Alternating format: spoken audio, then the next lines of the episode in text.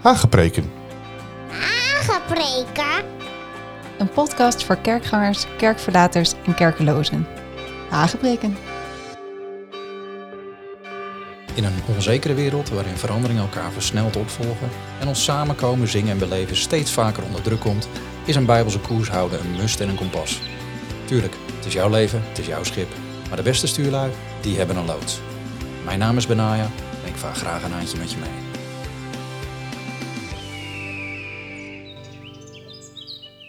Hi, leuk dat je weer luistert naar Hagepreken. Ik moet eerlijk zeggen, voor deze aflevering stond ik voor de uitdaging om je te proberen het verschil duidelijk te maken tussen Gods spreken in je gedachten, waarin hij je gedachten onderbreekt of inspireert, zoals we vorige keren bespraken, en Gods stille, zachte stem. Dat is best een uitdaging. En misschien zeg je stille, zachte stem, hoe kan een stem überhaupt stil zijn en waar vinden we dat in de Bijbel? Wat bedoelen we ermee? Nou, eigenlijk komt het hierop neer. God kan spreken op zo'n manier dat het voor jou duidelijk te horen is, maar voor anderen om jou heen niet. En in de eerste afleveringen lazen we dat al over Samuel. Deze kleine jongen hoorde duidelijk een stem die zijn voogd, hoge priester Eli, niet hoorde. En opvallend genoeg ging Eli er niet vanuit dat hij te maken had met een geval van, nou, laat maar zeggen, auditieve hallucinatie of schizofrenie, zoals de hedendaagse psychologie dit zou aanmerken. Eli wist, God kan spreken tot deze kleine jongen, ook al hoor ik het niet. En misschien is dat ook wel een beetje het nadeel van onze moderne tijd. De psychologie heeft een enorme invloed gekregen op ons mensbeeld, vaak meer dan we doorhebben. En dat heeft ook weer gevolgen gehad voor hoe wij ons geestelijk leven bekijken. In die zin dat je ziet dat zelfs christenen geneigd zijn om vanuit een psychologische benadering naar mensen te kijken, in plaats van uit een bijbelsreferentiekader. En het heeft zelfs ons godsbeeld beïnvloed. En dit is met name duidelijk in de benadering van onze onrechtvaardige natuur, die we eerder geneigd zijn om als zwakte of ziekte aan te duiden dan dat we het beestje bij de naam noemen, gewoon zoals de Bijbel het noemt, zonde.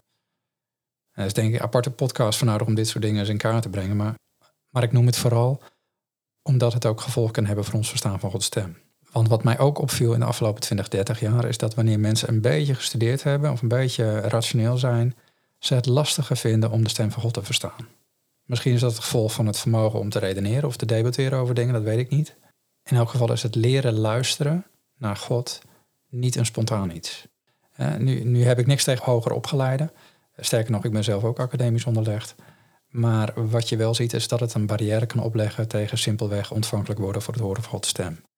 En dat komt vooral omdat mensen proberen God en gebed te verklaren met kennis en ervaring die ze hebben van wat ze kunnen observeren of deduceren.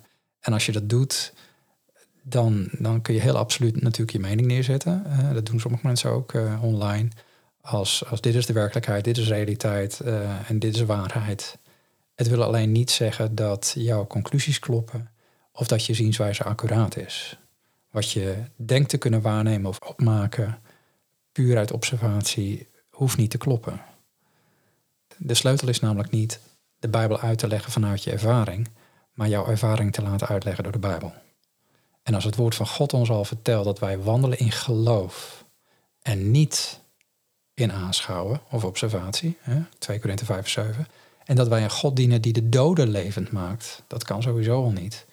En het niet zijn dat tot aanzien roept, dan weet je, we hebben te maken met een God die wonderen doet. Hij maakt van niets iets. En dat is lastig genoeg om te geloven. Maar de enige manier om te kunnen geloven is door te luisteren naar Gods stem. En dat is namelijk waar geloof begint. Want de Bijbel zegt ook, Romeinen 10, vers 17, hè, geloof is uit het horen en horen is uit het woord van God. En dat geloof is de zekerheid van de dingen die men hoopt en het bewijs van de dingen die men juist niet ziet. En dan kom je klem als je juist vanuit een rationele, wetenschappelijk academische observatie probeert jezelf in het verstaan van Gods stem te redeneren. Dat kan niet. Het feit is, als God spreekt, is dat een wonder. Een bovennatuurlijke schepper die de wereld niet in elkaar boetseerde met zijn blote handen, maar het tot aanzijn sprak. Hij creëert met woorden. En juist daarom hebben wij ook zo hard nodig dat we zijn stem leren verstaan. Ik weet niet hoe het jou vergaat, maar ik kan wel wat van Gods scheppingskracht in mijn leven gebruiken. En dat even terzijde. Ik zit al weken te dubben hoe dit podcast gebeuren werkt. En wat nu dan en not dan is. En hoe dicht ik zal blijven bij het onderwerp en het uitleg van de Bijbel. En in welke mate het wijs is om dingen uit je eigen ervaring en leven te delen. Maar juist wat dit betreft raakt het ons leven momenteel zo gigahard. Alleen als ik kijk naar de beperkingen en gebreken in mijn eigen leven en lichaam en dat van mijn vrouw, dan weet ik dat wij meer scheppingskracht nodig hebben. We hebben meer van die woorden van God over ons leven nodig en in ons leven nodig. Ik heb van die dagen dat ik opsta met al mijn gebreken, de artrose, de kapaaltunnelsyndroom, de zeurende whiplash, de chronische hoofdpijn, nog veel meer. En vervolgens mijn vrouw aankijkt die met een halfzijdige parese hè, ten gevolge van een hersenbloeding naast me ligt en nauwelijks vooruit komt, dan denk ik met regelmaat, Heer Jezus, alstublieft, kom snel terug. En we hebben dat opstandingslichaam echt keihard nodig. Nu houden we het vol. we houden vol in geloven voor wonderen, voor onszelf en voor anderen. En we hebben er al heel wat meegemaakt en gezien met eigen ogen, ook lichamelijk. Maar we zijn er nog niet.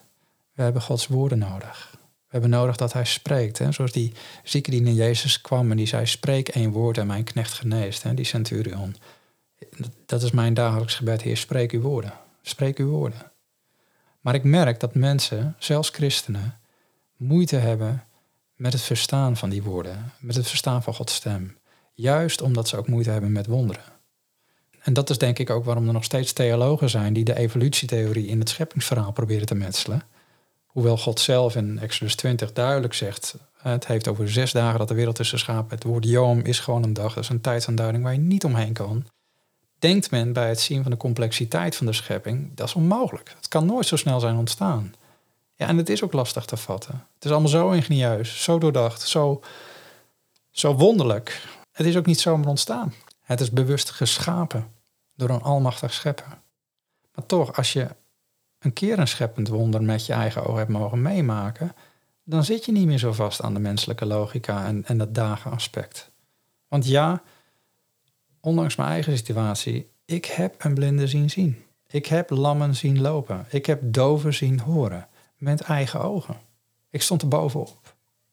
En dat is een fantastisch, ongelooflijk iets om te zien en mee te maken. Het is bijna alsof je weer even teruggaat naar de tijd dat Jezus op aarde liep. Sterker nog, ik heb mijn eigen vrouw zien terugkomen die op brandje dood lag. En we hebben vier kinderen terwijl we geen kinderen konden krijgen. Dus ik zou zeggen, kom bij mij niet aan met theorieën die zijn ontstaan uit een gebrek aan positieve ervaringen of rationele beperking, want ik heb ze beide. Ik heb een academische, rationele beperking waar ik overheen moet stappen, nog steeds. En ik heb negatieve ervaringen. Maar ik noem ze liever uitgestelde positieve ervaringen. En ook al zijn we hier in huis nog verder van gezond, ik weet waartoe mijn God in staat is. En dat geldt ook voor het horen van Gods stem.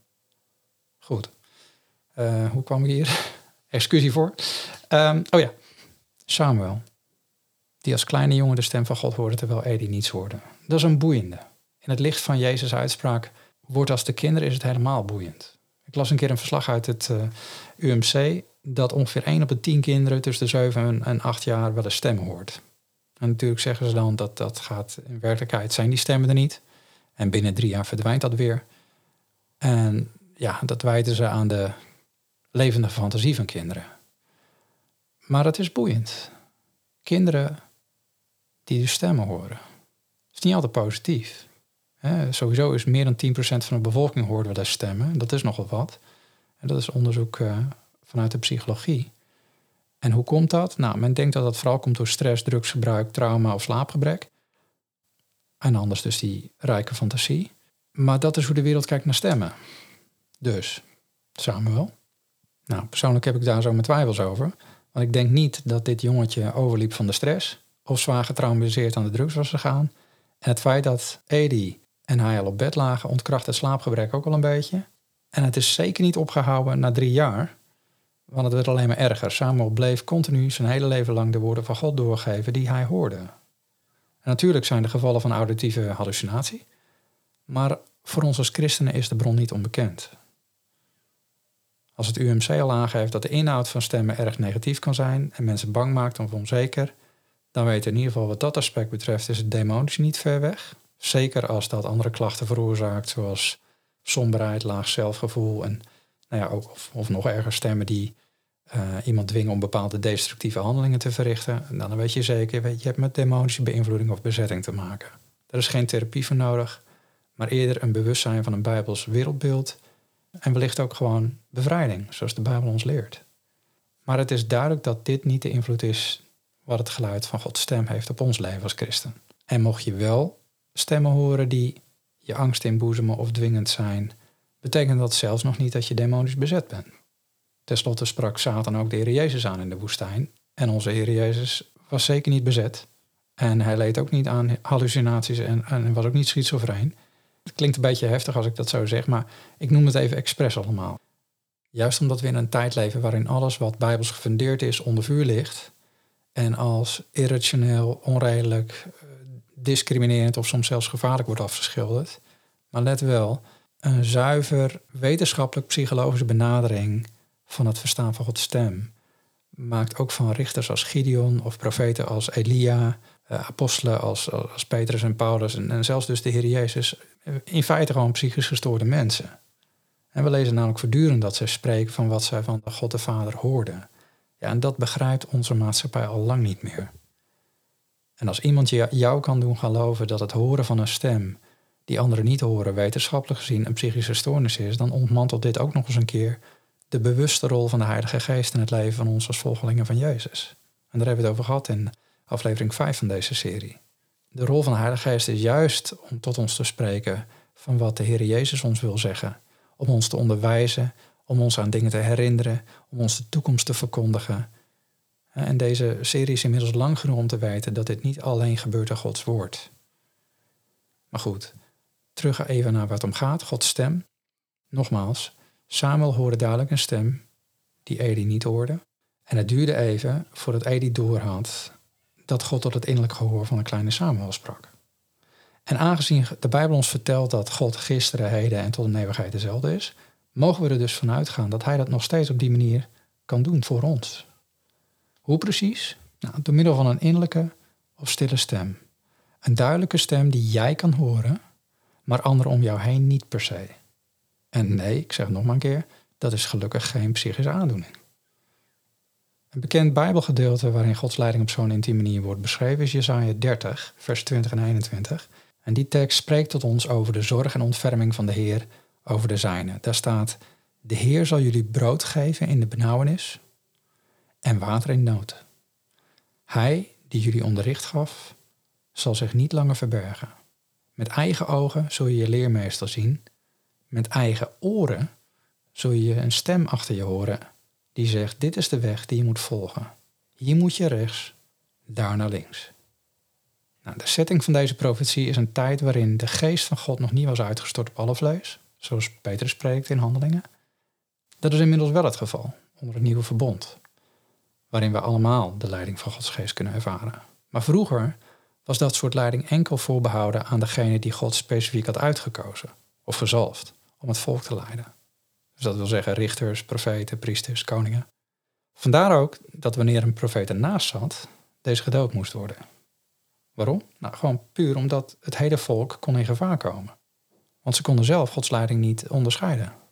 Maar hier staat dus, met eigen oren zul je een stem achter je horen. En die zegt, dit is de weg die je moet volgen. Hier moet je rechts, daar naar links. Dit duidt aan dat God ons op een persoonlijke, haast coachende manier kan laten weten welke stappen je het beste kan nemen in je leven, door te spreken in je eigen oren. De hamvraag is dan, hoe weet je nou dat je niet zelf iets staat te verzinnen in je hoofd en dat je daar de stem van God op plakt? Nou, ten eerste is het goed om je te realiseren dat de stem van God niet een voorgevoel is of een indruk, waar we het eerder over hadden. Het is echt een stem. Een stille stem van God is anders. Stil in de zin dat, nogmaals, het duidelijk op te pakken is voor jezelf, maar niet voor de ander. Het gaat verder als een indruk, verder dan een spreken tot je geest of een inspraak op je gedachtenleven. Het is een werkelijk innerlijk hoorbare stem. Waar het in de Bijbel wordt genoemd, lezen we ook nooit dat het staat, iemand had het gevoel dat God zei. Het was gewoon duidelijk, God sprak. En het was ook duidelijk dat Hij het was. Maar hoe werkt dat? En werkt dit wel zo? Dat nou, brengt ons bij het tweede punt. Als God spreekt, doet hij dat tot je of in je? Nou, wat bedoel ik daarmee? We lezen heel vaak in het Oude Testament de zin... en het woord van de Heer kwam tot. Tot de profeet Nathan of, of Gideon. Het duidt aan een situatie waarin God tot iemand spreekt. En het was met name in het Oude Testament de voornaamste manier van spreken. De keren dat hij hoorbaar voor, voor groepen sprak, zoals Israël bij de berg waar ze de tien geboden ontvingen, was dat zo overweldigend, zo overdonderend indrukwekkend en angstaanjagend, dat de meeste mensen het prima vonden dat Mozes zelf met God ging praten. Maar we lezen ook, bijvoorbeeld bij de profeet Ezekiel, dat de Heer het anders doet. In Ezekiel 3, vers 24 staat: Toen kwam de geest in mij en deed mij op mijn voeten staan. En hij sprak met mij en zei tegen mij: Ga naar binnen, sluit u op in uw huis. En dat sluit weer aan hoe de Heilige Geest ook nu onder het nieuwe verbond met ons communiceert. In ons en met ons. Jezus noemt dit aan zijn discipelen als hij hun voorbereidt op de situatie waarin ze komen te staan tegenover hun vervolgers. En dan zegt hij: Wanneer zij u overleveren, moet u niet bezorgd zijn hoe of wat u spreken moet. Hè, Matthäus 10. Want het zal u op dat moment gegeven worden wat u moet spreken. Want u bent het niet die spreekt, maar de geest van uw vader die in u spreekt. En dit doet de Heilige Geest dus niet alleen door ons heen, naar anderen toe, maar ook naar onszelf. Want Romeinen 8, vers 14 en 16 zegt: Immers, zoveel als door de Geest van God geleid worden, die zijn de kinderen van God. De Geest zelf getuigt met onze geest dat wij kinderen van God zijn.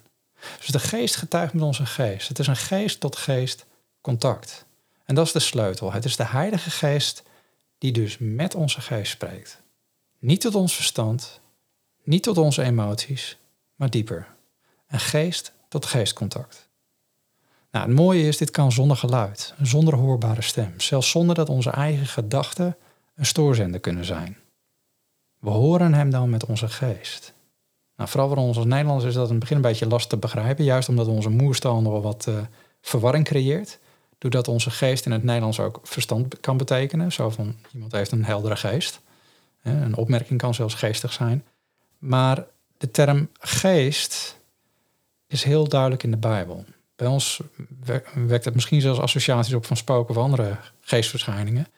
Maar je, je zou echt een woordstudie moeten doen om dat goed te begrijpen. Daar is deze Hagepreek ook te kort voor. Maar in het kort, het heeft te maken met het woordje geest, ruach, in het Oude Testament, die God aan mensen en dieren gaf.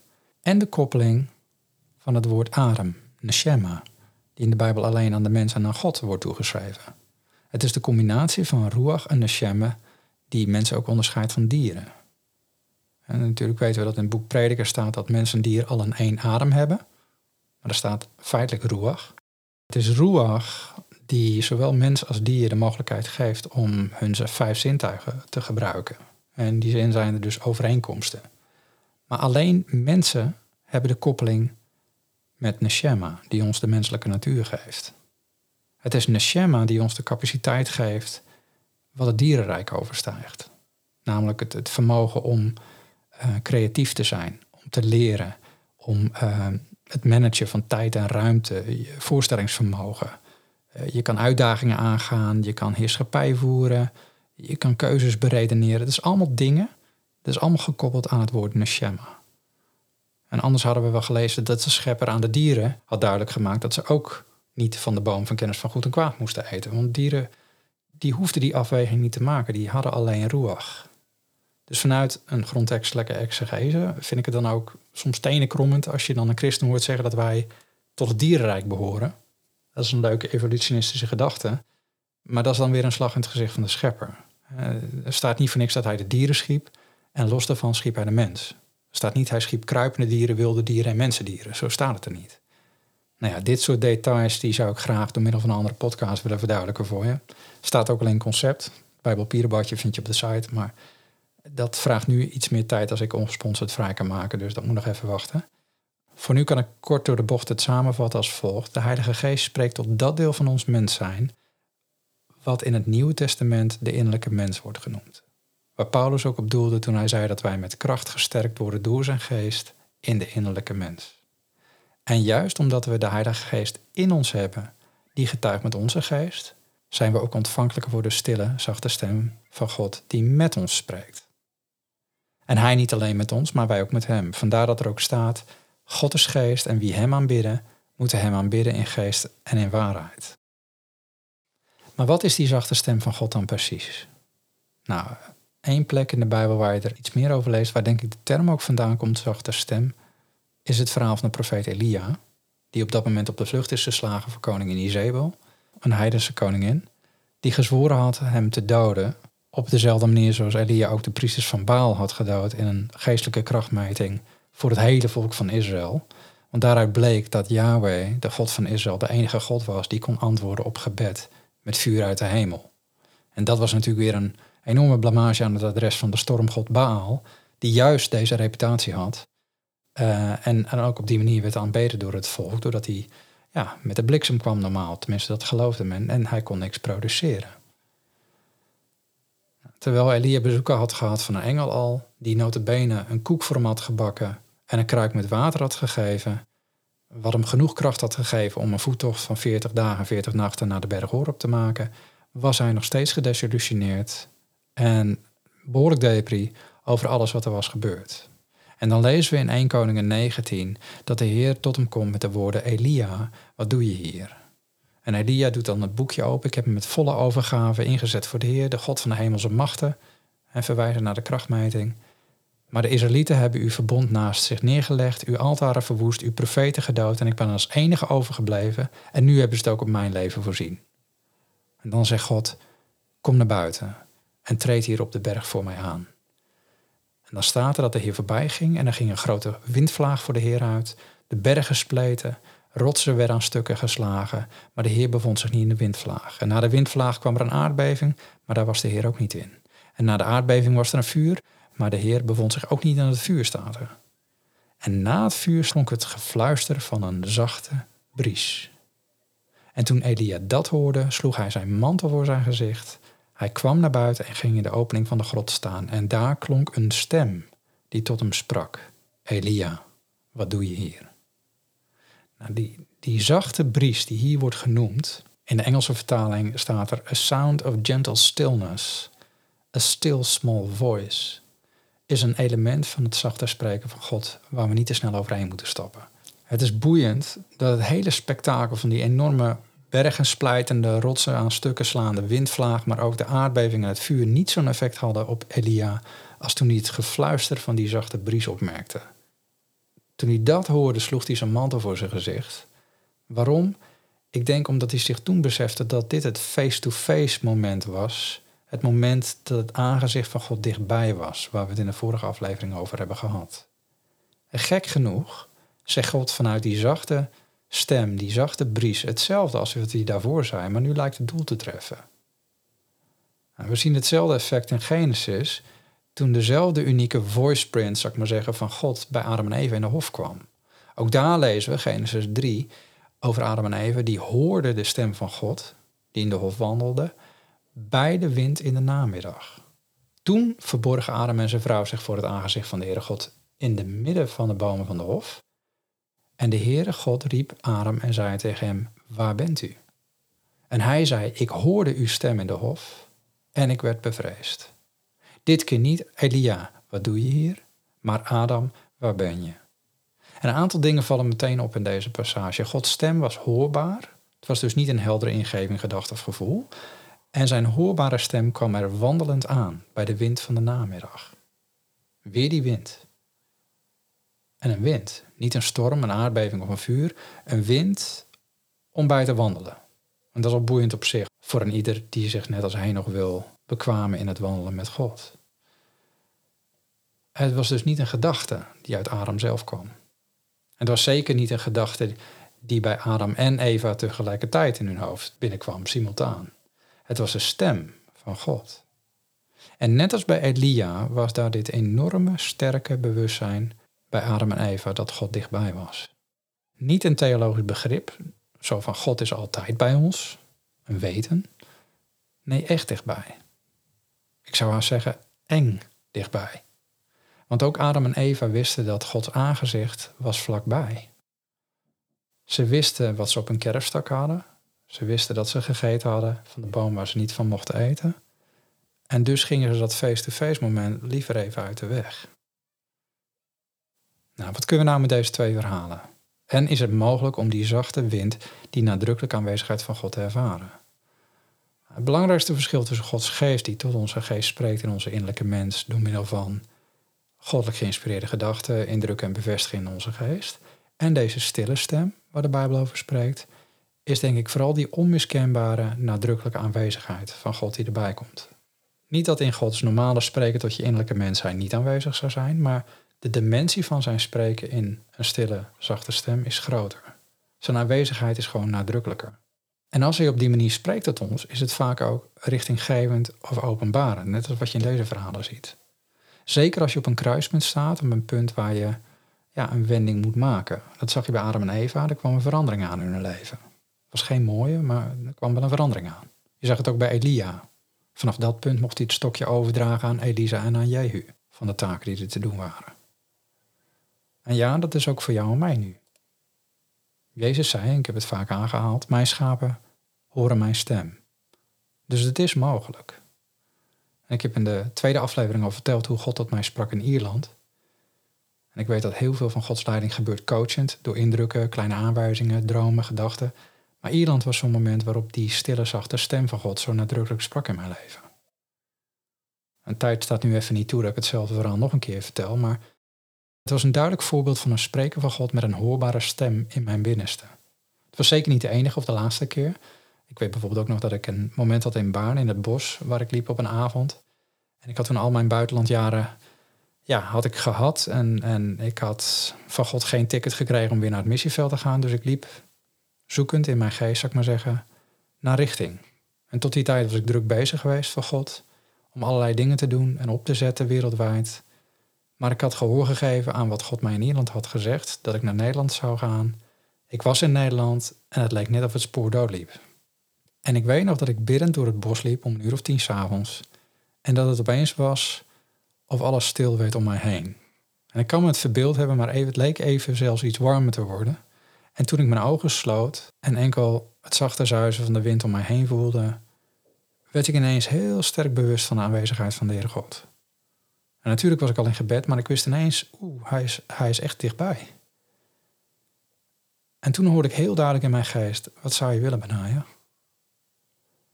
Ik weet nog dat ik een brok in mijn keel kreeg, want ergens was ik ontroerd door die vraag.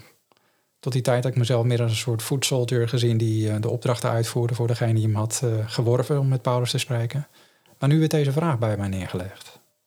En het was net alsof God op zijn eigen fijne manier de vinger legde op iets wat er in mijn hart zat, waar ik jarenlang geen aandacht aan had gegeven. Het duurde niet lang of ik keek naar precies hetzelfde waar hij op doelde en ik wist het. Want als ik eerlijk was, was ik eigenlijk een beetje moe van alle reizen in mijn eindje. Moe van het bouwen en ploegen. Moe van zelfs alle mooie avonturen en boeiende mensen die ik jarenlang mocht meemaken. Want wat zou een prachtige horizon of vergezicht of missie uitmaken als ik het niet kon delen met iemand? En dus zei ik op dat punt, nou heer, ik zou nu wel heel graag een vrouw tegenkomen. Gewoon om de volgende horizon mee te delen. Nou moet je natuurlijk voorzichtig zijn met hoe je dingen interpreteert. Dat weet ik. Maar ik had bijna de indruk dat God glimlachte. Wel weet ik dat hij nog één ding zei op dat moment. Binnenkort. En daar kon ik het mee doen. Ik wist niet dat mijn vrouw Mirjam hetzelfde had gehoord van Henk Binnendijk, die haar rond diezelfde tijd had gezegd: binnenkort ga jij je man ontmoeten. Ik hoorde het via een stille stem van God. Zij hoorde het door nou, een van Gods dienstknechten, die kennelijk dezelfde indruk van God had gekregen. En dat het klopte was zeker, want enkele, maanden later kwamen we elkaar voor het eerst tegen. En inmiddels zijn we 15 jaar getrouwd. Maar zo kan God spreken. En dit wil hij ook met jou doen. Dit wil hij ook voor jou doen. En daarom wil ik je aanmoedigen, strek je ernaar uit. En dan hoor ik sommigen van jullie misschien denken van, Benaya, hoe doe je dat dan? Het begint bij die eerste stapjes. Ten eerste geloven dat God het ook wil. Met jou spreken. In jou spreken. En dan is het een kwestie van je hart openzetten. Om God de gelegenheid te geven te spreken op een manier die Hij uitkiest. Wij zijn als mensen zo beperkt, maar hij niet. En luister daar desnoods de eerste tien afleveringen voor terug. Maar hou er rekening mee met het feit dat wanneer jij je openstelt en verlangt naar zijn stem, dat hij dat niet alleen waardeert, maar dat hij er ook wat mee gaat doen. Hij gaat je vormen. Hij gaat je helpen om zijn stem te verstaan. En ik ken niemand bij wie dat van de een op de andere dag appeltje eitje was. Het is een groeien, een ontdekken, een zoeken, een kloppen. Maar je zal merken dat je ontvankelijkheid meegroeit met je verlangen.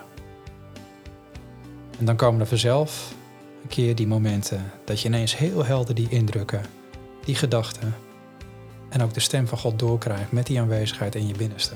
Zo duidelijk dat je niet meer kan ontkennen dat God je leven bezig is te leiden. Dus hou vol, blijf je uitstrekken, blijf verlangen, blijf koers houden in lijn met zijn woord. En blijf luisteren, totdat zijn stem onmiskenbaar wordt.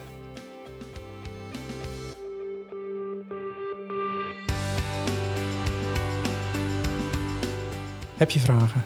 Heb je aanvullingen? Surf naar benaya.nl, word doorgeluisterd naar een contactformulier, kun je in contact met me komen. Wil je dit soort geestelijke input sponsoren? Ook even naar dezelfde website. Dan vind je daar manieren. Dankjewel.